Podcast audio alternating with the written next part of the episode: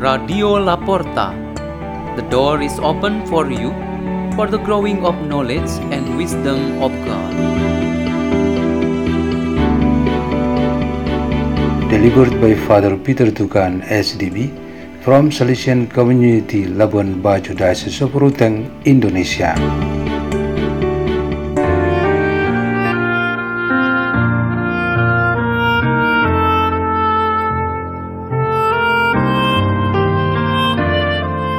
Readings and meditation on the Word of God on the 21st Sunday in Ordinary Time, August 21, 2022.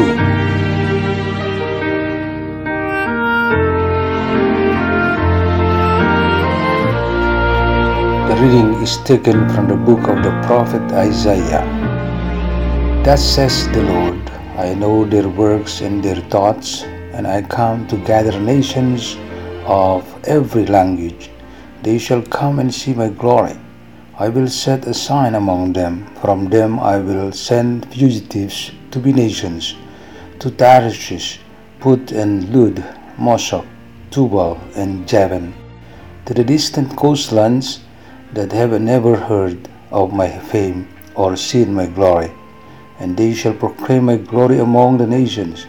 They shall bring all your brothers and sisters from all the nations as an offering to the Lord, on horses and in chariots, in charts, upon mules and dromedaries, to Jerusalem, my holy mountain, says the Lord. Just as the Israelites bring their offering to the house of the Lord in clean vessels, some of those I will take as priests and Levites, says the Lord. The word of the Lord.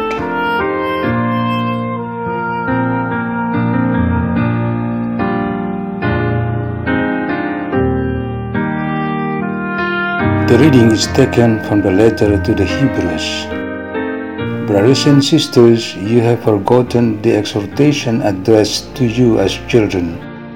My son, do not disdain the discipline of the Lord, or lose heart when reproved by him. For whom the Lord loves, he disciplines. He scourges every son he acknowledges. Endure your trials as discipline. God treats you as sons. For what son is there whom his father does not discipline? At the time, all discipline seems a cause not for joy but for pain. Yet later it brings the peaceful fruit of righteousness to those who are trained by it. So strengthen your dropping hands and your weak knees.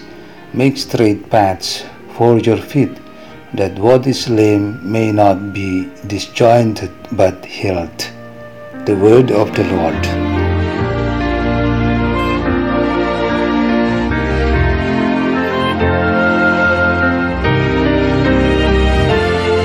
The reading is taken from the Holy Gospel according to Luke chapter 13, verses 22 to 30. Jesus passed through towns and villages teaching as he went and making his way to Jerusalem. Someone asked him, Lord, will only a few people be saved? He answered them, Strive to enter through the narrow gate, for many, I tell you, will attempt to enter but will not be strong enough. After the master of the house has arisen and locked the door, then will you stand outside knocking and saying, Lord, open the door for us? He will say to you in reply, I do not know where you are from. And you will say, We ate and drank in your company, and you taught in our streets. Then he will say to you, I do not know where you are from. Depart from me, all you evildoers. And there will be wailing and grinding of teeth when you see Abraham, Isaac, and Jacob, and all the prophets in the kingdom of God, and you yourself cast out. And people will come from the east and the west, from the north and the south, and will recline at table in the kingdom of God. For behold, some are last who will be first, and some are first who will be last. The Gospel of the Lord.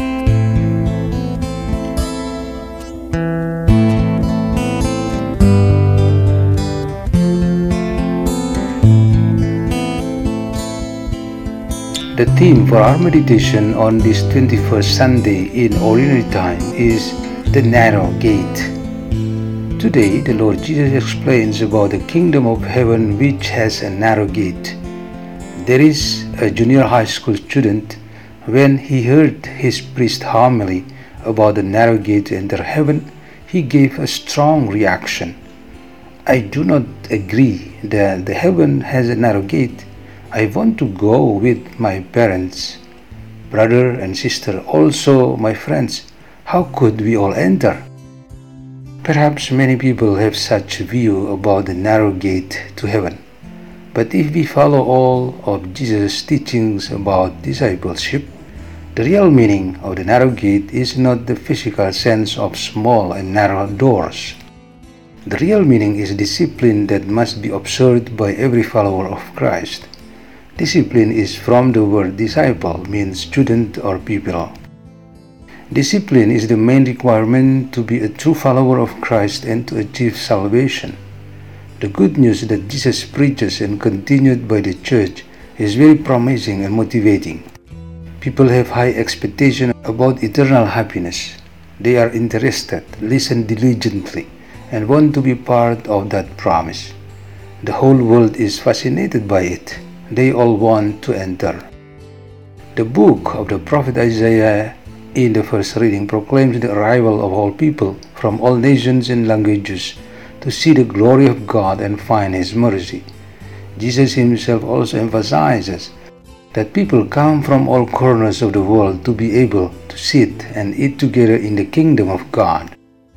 But discipline is what will determine whether or not someone is worthy of being part of it, to see and experience the glory of God.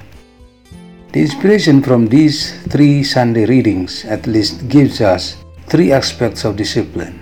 First, those who want to enter through the narrow gate are those who must be free from all forms of evil.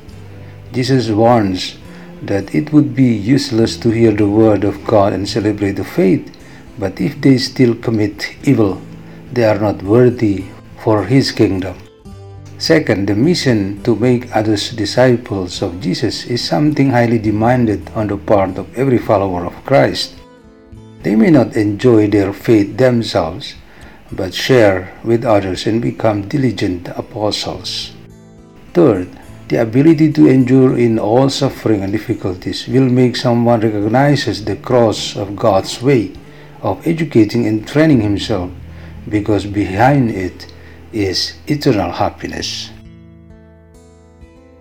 Let's pray. In the name of the Father, and of the Son, and of the Holy Spirit, Amen. O Lord Jesus, make us your true disciples, being faithful to the way of your cross. Our Father who art in heaven, hallowed by thy name. Thy kingdom come, thy will be done on earth as it is in heaven. Give us this day our daily bread, and forgive us our trespasses as we forgive those who trespass against us, and lead us not into temptation, but deliver us from evil. Amen. In the name of the Father, and of the Son, and of the Holy Spirit. Amen. Radio La Porta. The door is open for you.